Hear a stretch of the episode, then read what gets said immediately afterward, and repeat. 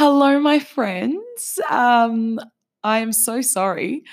I have not been regular with my podcast. Um, unfortunately, my expectations of what I thought I would be able to achieve on this trip versus the reality have been very far apart, to say the least.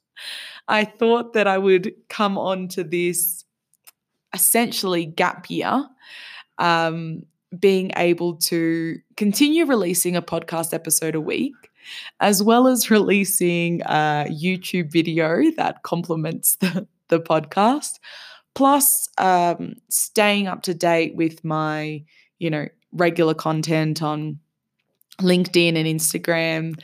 Uh, while all while traveling with 25 different people being a 20 something that's living her life and having awesome new experiences.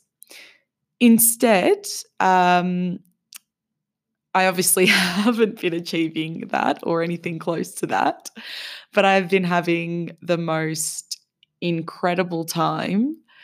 Uh, some of the highest of highs and lowest of lows.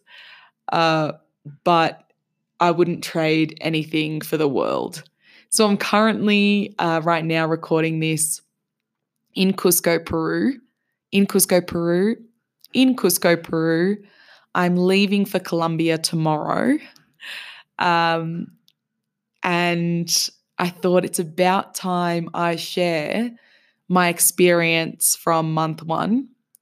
I've been doing diary entries and just, yeah, it's going to be this episode is going to be very um, I've been recording diary entries throughout this whole experience and want to share I guess what this actual program is, my intentions for being here,